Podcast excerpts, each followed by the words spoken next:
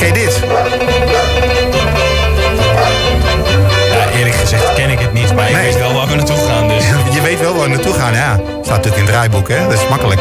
Dit is de muziek van Dagboek van een herdershond. En dat was een kijkcijferhit. Ehm, in de jaren 70, eind jaren 70 eh, tot begin jaren 80. Werd toen bij de KRO uitgezonden. Eh, we hadden toen nog maar twee netten, Nederland 1 en Nederland 2. En eh daar keken zo'n 6 tot 8 miljoen mensen naar. En dat is best wel veel voor die tijd. Tegenwoordig zouden, zullen ze daar trots op zijn, op zo'n kijkcijfer. Ja, eh, omdat er zoveel verschillende dingen te zien is nou. ja, dat was natuurlijk wat minder te zien. Maar nee, zonder gekheid. eh dagboek van herdershond gaat over de jonge kapelaan Erik Oudekerke. Die komt dan in het dorpje Geleen, wat toen nog een dorpje was, eh, begin 1900, 1914. Het oude mijnstadje in, eh, in Limburg. En eh, ja, het is een beetje onhandige kapelaan die daar eh, komt. En eh, ja, jaagt ook eh, best wel veel mensen tegen, tegen zich in het harnias. Het was ook best wel grappig. Het ook was af en toe ook een beetje eh, ja, eh, dramatisch eh, in die serie. En eh, ik kan me nog herinneren dat, dat ik af en toe wel eens keek. Maar ja, ik was toen 18, 19 jaar. Dus ik was niet heel erg geïnteresseerd, als ik heel eerlijk ben hoor, in deze serie. Maar er werd toch veel naar gekeken door, door heel veel mensen. Ja. En nou, nu hebben Albert Verlinde en de toneelgroep Maastricht... die hebben het plan opgevat om daar een musical van te gaan maken. Nou, dat gaat allemaal wel wat sneller natuurlijk dan de tv-serie. Ze halen ook van alles uit de kast.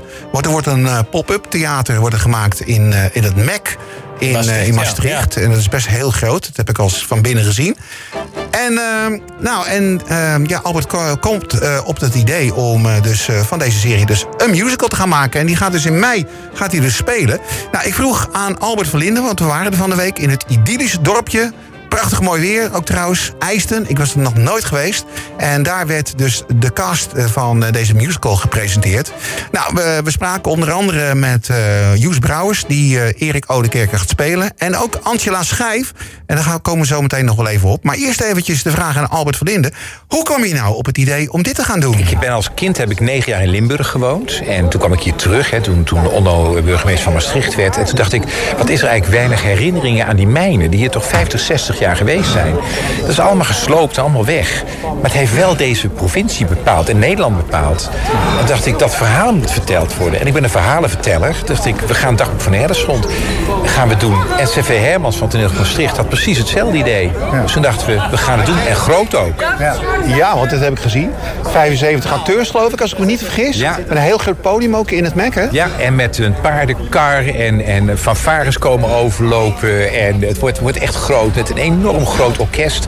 Wat we, de symfonieorkest speelt de orkestband in. Dus 70 man orkest. Zijn de nieuwe composities aan het spelen. Het is echt eh, de moeite waard om te zeggen... ik ga naar Zuid-Limburg, ik ga naar het MEC... en ik maak er een weekendje of een, eh, met een diner erbij... ga ik heerlijk in Maastricht naar die voorstelling kijken. Ja, want ik hoorde 17 harmonieën eh, zijn erbij betrokken. Ja, omdat ze afwisselend hebben, we iedere avond hebben die harmonie nodig. Dus ja, dat betekent dat, dat, ze, dat ze diensten moeten draaien. We hebben ook nog kinderen.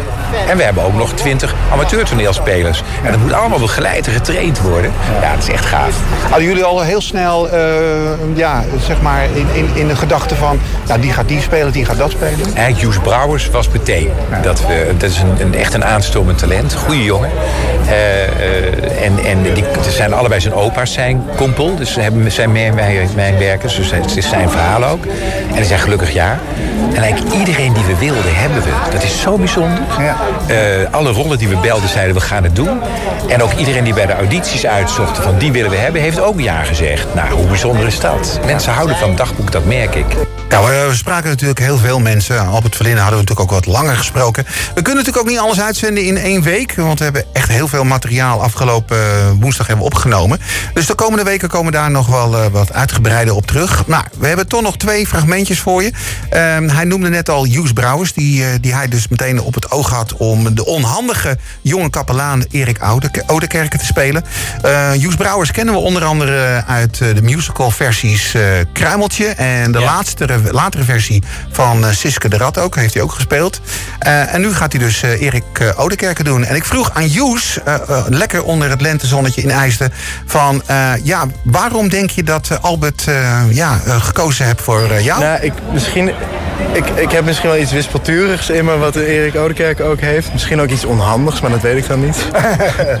maar uh, ja, ik kom hier ook vandaan. Ik, ik, ik, ik ken het verhaal van de, de mijnwerkers, van de industrie...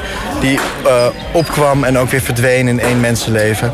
En ik heb me daar altijd al mee verbonden, ook op de toneelschool. Um, en uh, zodoende, denk ik. Ja. Ik ben er in ieder geval heel blij mee. Ja, want uh, Erik Oudekerke past niet echt in het rijtje van Kruimeltje. En Siske heb je ook gedaan natuurlijk. Dus het is nu toch eventjes, nou toch een iets serieuze rol. Maar inderdaad ook een beetje onhandig, hè? Ja, en een volwassen rol. Dat is ook een, toen was ik een, eh, een kind. André Breedland heeft Siske trouwens ook geschreven. Ja. Um, en het is wel allemaal historisch. Maar uh, dit is... Um, uh, ja, hier mag ik echt met mijn tanden in gaan bijten. En daar aan de slag met Nandi en William en Angela en Annemieke Ruiten. En, ja, een fijne groep, mooie muziek om, uh, om dit te gaan vertellen. Het is uh, een hele nieuwe stap voor me. Hoeveel vrijheid krijg je van, van Servey, de regisseur, om je rol neer te zetten? Um, ik denk best wel veel. Hoewel de mensen natuurlijk een verwachting hebben bij wie kapelaan Erik Oudekerke is. Mensen die de serie ook hebben gezien. Uh, maar het, wordt, het, het oude wordt in ere uh, getoond, maar ook met een nieuwe draai eraan. Dus we hebben veel gedachten over ja, hoe zou dat voor jou zijn als jij kapelaan zou zijn. En uh, hoe werkt het dan, zo'n celibaat? Je bent jong en, en hoe, hoe, kom je tot een beslissing om je leven aan God te wijden? Ja. Dus dat, gaat ook, uh, dat gaan ook mijn persoonlijke bevindingen zijn. Dus ja. daar krijg ik heel veel ruimte toe. Ja, Jus Brouwers dus uh, als Erik Oudekerke straks. Leuke rol, denk ik ook voor hem. Een van de hoofdrollen ook. Nou, uh, hij noemde het ook al inderdaad een aantal mensen die, uh, die mee gaan doen. Annemieke Ruiten. ook kan ik nog noemen Nandi van Beurden. die laten we ook de komende weken nog een keertje voorbij komen. Die hebben ook nog gesproken. Saskia Schaver, Sam van der Heijden, Raymond Curvers. Nou, ik kan nog even doorgaan. Kijk even op spotlight.fm. Daar staat het hele rijtje van, nou, de, laten we zeggen, de, de, de, nou ja, de, de grootste rollen, zeg maar. Um, het gaat allemaal beginnen op 8 mei. Nou, eigenlijk 30 april, dat is de eerste try-outs. Maar 8 mei, dan is de première namelijk van uh, dit stuk in het MEC in uh, Maastricht. En het komt ook alleen maar in het MEC in mei en in juni. Dus uh, dan kun je het bekijken in het pop-up theater. 60 meter breed podium, dat is best behoorlijk. En, oh, bizar, hè? Weer. En er kunnen dan 75 acteurs kunnen erop. Met muziek uit Limburg. Nou ja, hè, de, de harmo, harmoniemuziek die, dan, die dan bij zo'n serie en bij zo'n musical horen. We horen zo meteen ook nog een liedje uh, die gespeeld werd namelijk door de, nou, een groot deel van de cast.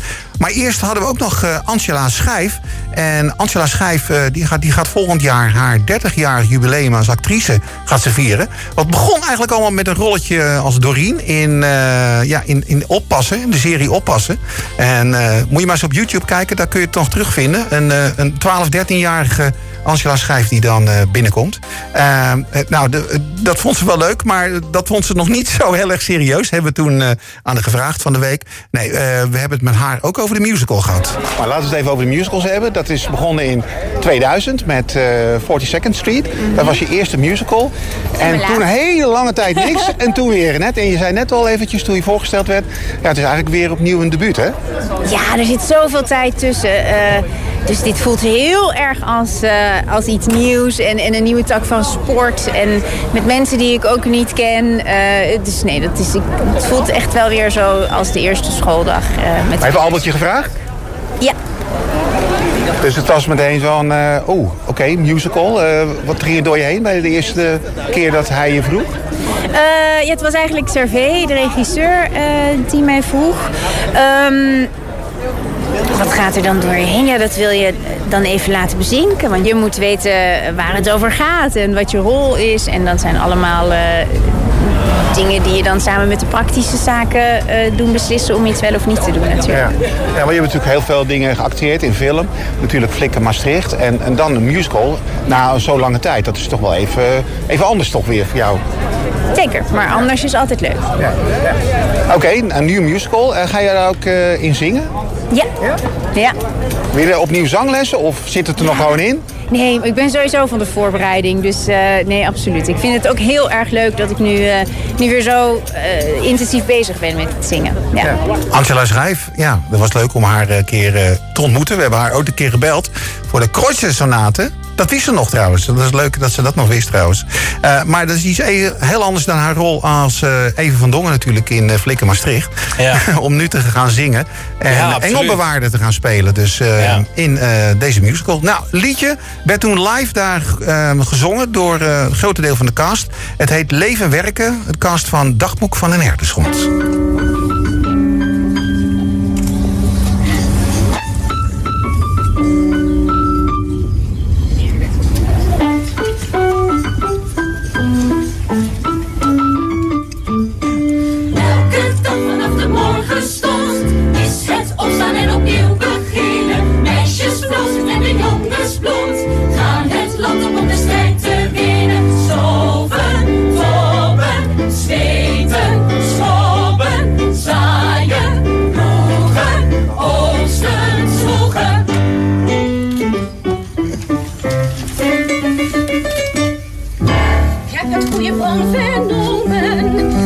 Nieuwe kapelaan hier vandaag naartoe zou komen. Oh, als dat maar goed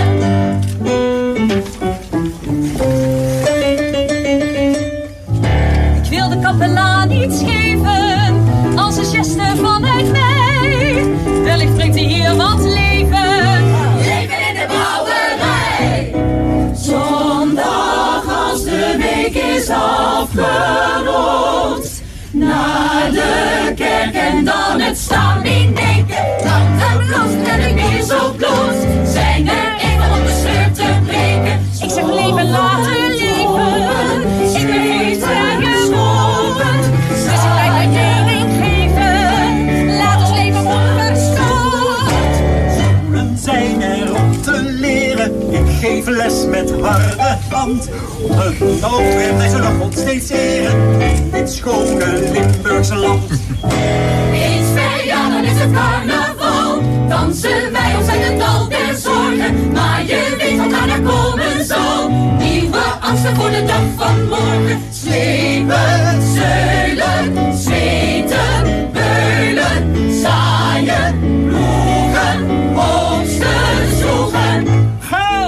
is het slijk ter aarde. Maar het geeft een hoop gemak. Want een man bepaalt zijn waarde. Met veel centen in zijn zak.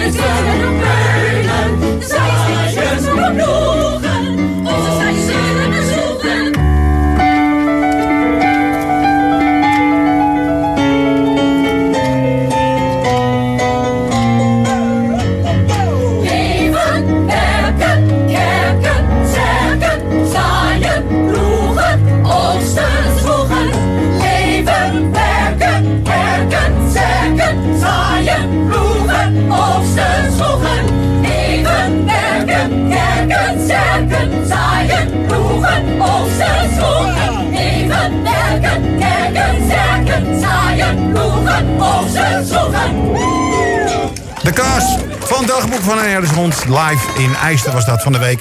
Eh, leven werken. Dus eh, nou, het zit er op. Eh, nog 40 seconden.